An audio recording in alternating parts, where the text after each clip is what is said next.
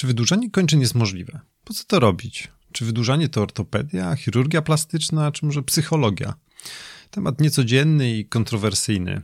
A zaczynam od intro. Intro chyba nie jest kontrowersyjne.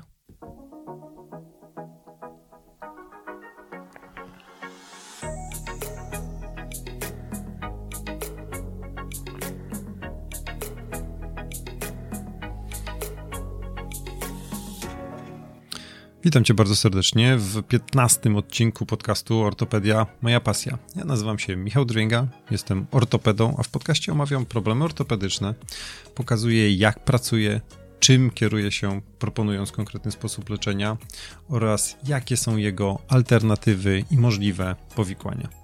Jeśli interesujesz się ortopedią, szukasz rozwiązania swojego problemu po urazie, miałeś kontuzję lub jesteś z drugiej strony barykady i uczysz się ortopedii, koniecznie wysłuchaj tej audycji.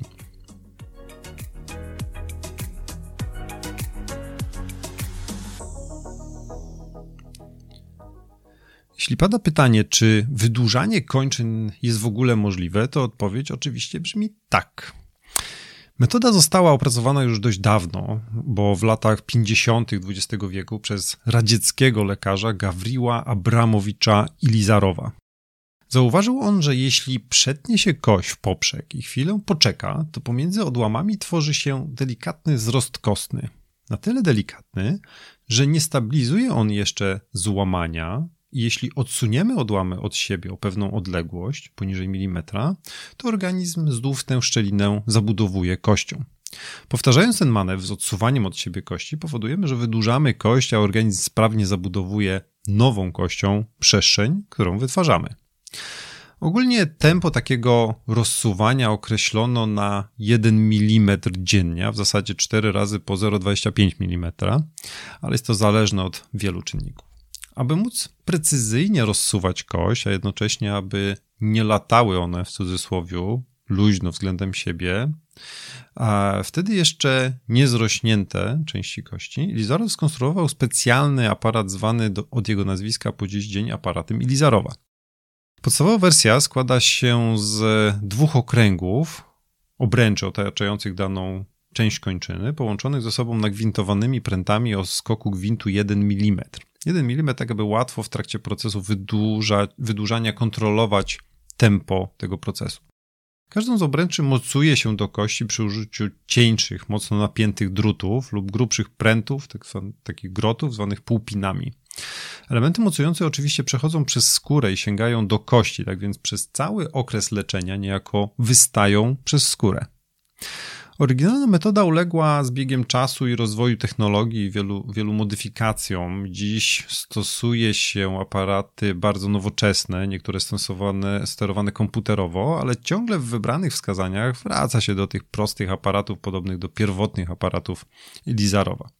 Trzeba pamiętać, że wydłużanie to głównie wydłużanie kości, a nasze kończyny składają się przecież z mięśni, ścięgien, naczyń krwionośnych, no i nerwów.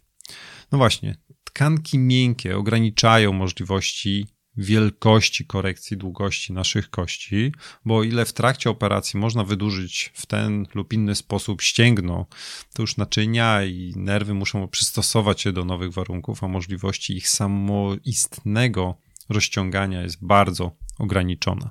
Sytuacji, w których myślimy o wydłużaniu, może być wiele. Głównym wskazaniem jest tu nierówna długość kończyn, która powstała w wyniku wypadku, urazu czy złamania. Czasem są to nieduże różnice, jeśli do urazu dochodzi u dorosłego. Mogą wiązać się również z deformacjami kątowymi. Kończyna będzie wówczas na przykład jednocześnie krótka i krzywa. Gorzej, jeśli do urazu dochodzi u dziecka, a następuje w miejscu, gdzie normalnie kość rośnie, czyli w okolicy tzw. Tak chrząstki wzrostowej. Pourazowe zatrzymanie wzrostu przeważnie doprowadza nie tylko do skrócenia kości, ale również do znacznych deformacji kątowych całej kończyny. Podobnie będzie przy infekcjach okolicy chrząstki wzrostowej. Ale może się również zdarzyć, że uraz kości u dziecka jest tylko w okolicy chrząstki wzrostowej, jej samej nie dotyczy. I gdzie wtedy problem? Otóż gojące się złamanie blisko chrząstki powoduje lokalny wzrost przepływu krwi, co może spowodować większą aktywność chrząstki wzrostowej i na koniec mamy do czynienia z za długą kończyną. Ale nie tylko urazy. Achondroplazja na przykład to choroba, w której kości długie nie rosną, a człowiek zostaje tak zwanym karzełkiem.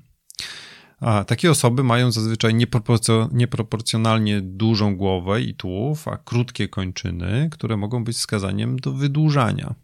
Chorób i zespołów, które objawiają się deformacjami lub ubytkami kończyn jest wiele i tu też metody wydłużania mają swoje zastosowania. Wreszcie mamy inną grupę pacjentów. Pacjentów, którzy nie mieli żadnego urazu, nie mają żadnej poważnej choroby genetycznej, a są we własnej ocenie po prostu za mali. I czy takim pacjentom też możemy pomóc? Czy wydłużanie kończyn u osób, które nie są chore, jest leczeniem?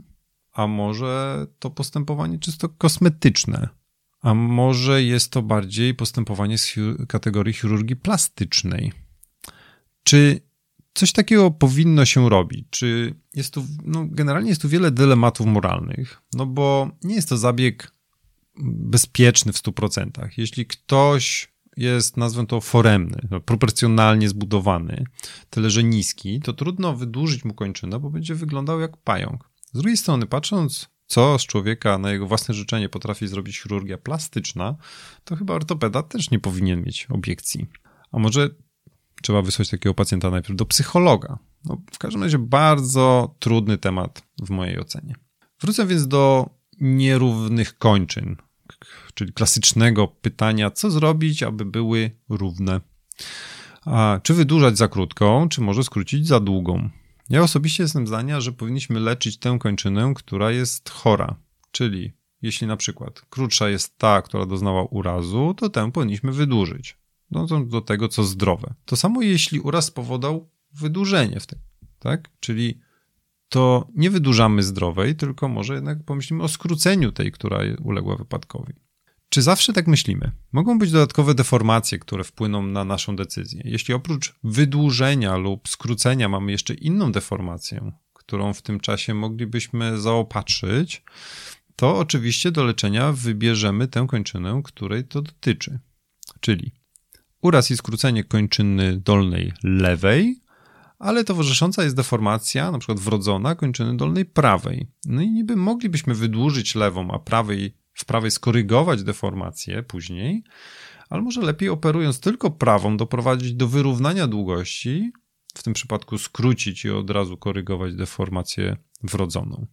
Mamy wtedy takie dwa w jednym i pacjent zamiast dwóch operacji ma tylko jedną. Inna sytuacja może być taka to już z, życia wzięta, bo to mój pacjent, w okresie skoku wzrostowego, będąc nastolatkiem, złamał kość udową tuż nad kolanem. Było to złamanie obejmujące chrząstkę wzrostową. Nawet nie trzeba było operować, bo złamanie praktycznie bez przemieszczenia. Był unieruchomiony w gipsie, wszystko ładnie się wygoiło. Po czterech latach już jako, już jako dorosły przyszedł, bo właśnie ta noga była krótsza o 2 centymetry, bez innych deformacji. I co zrobić z takim fantem? Zostawić, no bo to tylko 2 centymetry, stosunkowo niedużo.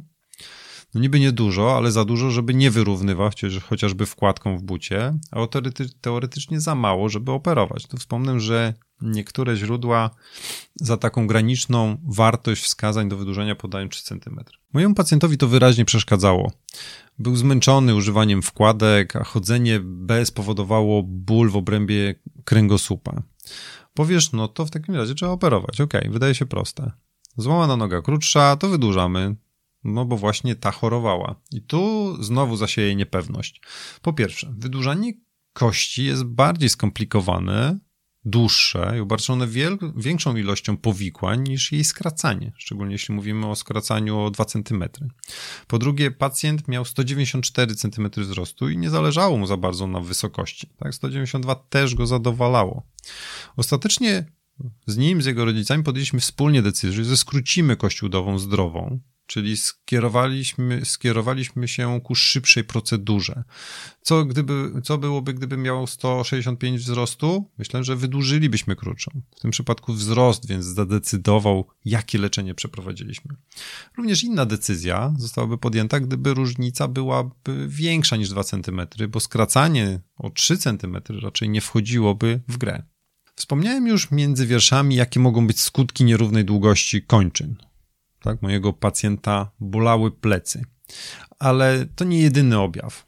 A, w takiej sytuacji, kiedy miednica przechyla się, dochodzi do nierównej pracy stawów krzyżowo-biodrowych z możliwością ich blokowania, mogą wystąpić przykurcze stawów, od stawów biodrowych przez kolano po, po stronie dłuższej kończyny, ze względu na utrzymywanie jej przygiętej, postaw skokowy po stronie krótszej, odchodzenia na e, palcach. Wreszcie ktoś może być zmęczony koniecznością dobierania butów, wkładek, robienia specjalnych butów czy stosowania ortez. Czas opowiedzieć, jak wygląda wydłużanie kości, jakimi metodami możemy się posługiwać, czym one się różnią, kiedy wybieramy te lub tamte. Na samym początku wypada mi podzielić stosowane aparaty na trzy główne grupy.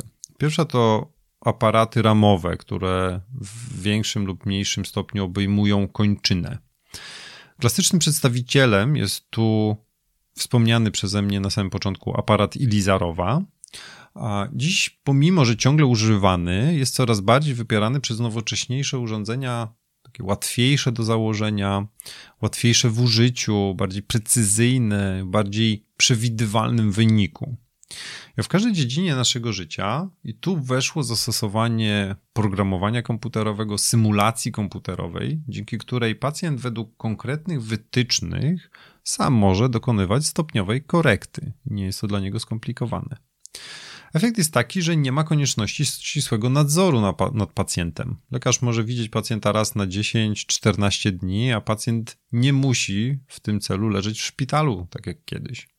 Pierwszą nowoczesną ramą był, jest do dzisiaj w zasadzie TSF, czyli Taylor Special Frame firmy Smith Nephew. Dziś do dyspozycji mamy szereg różnych innych aparatów prześcigających się prostotą implantacji i planowania korekty deformacji. No właśnie, korekty deformacji. Dzisiaj ramy rzadko będziemy używać do prostego wydłużenia. Raczej zastosujemy ją, kiedy pacjent wymaga bardziej skomplikowanej procedury niż tylko wydłużenia, czyli korekty w wielu płaszczyznach. Skoro tak, to do zwykłego wydłużenia musi być coś bardziej prostego, mniejszego, wygodniejszego w użyciu. Drugą grupę stanowią więc stabilizatory zewnętrzne typu monotube, czyli tylko jedna rura. Tu zasadzie działania jest bardzo podobno. Przez kość, przez skórę w jednej płaszczyźnie wkręcamy groty, dwa powyżej, dwa poniżej miejsca złamania najczęściej.